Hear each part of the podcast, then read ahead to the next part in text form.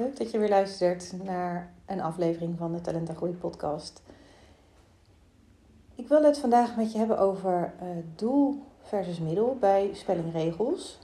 Maar eerst um, heel eventjes bijpraten, want uh, we hebben een lange podcastpauze gehad. Um, nou, dat was niet gepland, maar het liep gewoon zo. Um, zomervakantie en ik was uh, achter de schermen dus uh, druk met mijn nieuwe website. En daar komt toch altijd meer bij kijken dan, uh, dan je denkt. En nou, daarnaast liepen de coachings en mijn online ouderprogramma natuurlijk gewoon door. Dus nou, vandaar even een wat langere pauze. Maar we zijn weer begonnen en ik heb al een paar mooie afleveringen met podcastgasten ook opgenomen. Dus die kun je heel binnenkort verwachten.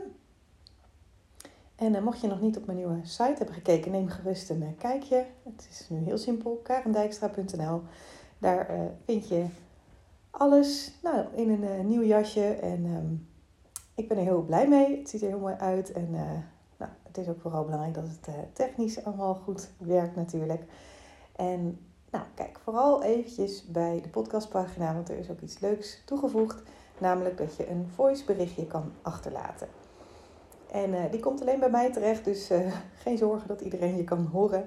Maar uh, nou, als je het leuk vindt om te reageren op een podcast of om op een idee door te, ge of, een idee door te geven, dan kan dat natuurlijk altijd.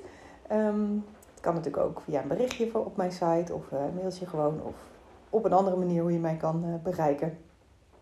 Vind ik heel erg leuk. Maar um, nou, als je het leuk vindt om eens dat uit te proberen, dan, dan kan dat. En um, nou ja, vandaag wilde ik het dus met je hebben over um, spellingregels. En dan gaat het over doel of middel. Want uh, de reden dat ik hierover wil vertellen is dat ik afgelopen week een moeder sprak van een meisje. En uh, ik help haar in een coachingstraject. En ik leer de kinderen hoe ze eigenlijk zonder spellingregels uh, woorden goed kunnen schrijven. En gaat hartstikke goed. Dus uh, nou, dan zal je denken hartstikke fijn. Um, maar moeder vertelde dat school toch wil dat het meisje de bijbehorende spellingregel ook kan benoemen. En dat dat ook op een toets komt, et cetera. En nou, dit is niet de eerste keer dat ik uh, dit tegenkom. Dus vandaar dat ik uh, hier even in de podcast iets over wil zeggen. Want um, naar mijn idee moet een spellingregel altijd hooguit een middel zijn om tot een doel te komen. En wat je hier ziet gebeuren is dat de spellingregel een doel op zich lijkt te worden. Dat de kinderen op school de regel moeten kunnen benoemen en dan doen ze het goed. Terwijl dat is eigenlijk een beetje gek, want um, ik zeg altijd van als dit meisje over een paar jaar naar de middelbare school gaat, dan komt ze bij iemand in de klas die niet bij haar op school heeft gezeten. Die heeft op een andere school gezeten. Um, die heeft een andere taalmethode gehad. Dus ook de benaming van de spellingregels zijn dan compleet anders. Maar van die kinderen op de middelbare school wordt wel van allemaal verwacht dat ze het woord chocola bijvoorbeeld uh, goed kunnen schrijven. En hoe ze daartoe gekomen zijn, ja, dat is ineens niet meer van belang. Hè? En zo zou het ook moeten zijn. Als je het einddoel bereikt, nou, dan ben je er. En hoe je in dit geval daartoe gekomen bent, ja, is in mijn ogen eigenlijk uh, niet relevant. Um, want ook op die middelbare school krijgen kinderen meer moderne vreemde talen.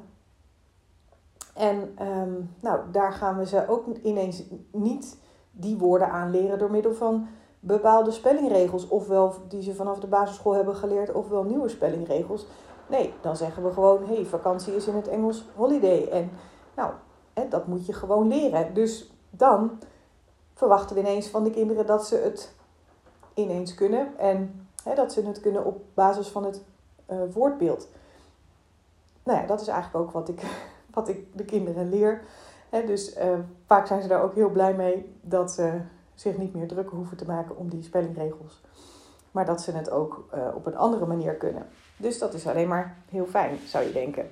Behalve dus als school verwacht dat je ook de spellingregel ehm, moet kunnen. Want dan moeten ze daar ineens weer, of ineens, maar nee, dan moeten ze daar weer moeite in stoppen. En dat vinden ze nou juist heel erg moeilijk. Bovendien is het dus niet nodig om een woord goed te kunnen schrijven. Dus ehm, ik hoop hiermee ehm, duidelijk te hebben gemaakt dat een spellingregel hooguit een middel is. En er zijn dus meerdere wegen die tot het einddoel leiden. Maar dat een spellingregel, wat mij betreft, nooit een doel op zich mag zijn. En um, nou dat je daar kinderen eigenlijk onnodig mee uh, frustreert in het onderwijs. Dus uh, als je ouder bent van een kind wat, um, hè, wat dit moet op school, nou, ga in gesprek met school en leg uit, nou, met de redenen die ik in deze podcast heb gegeven, dat het niet nodig is en of ze alsjeblieft dat willen laten zitten.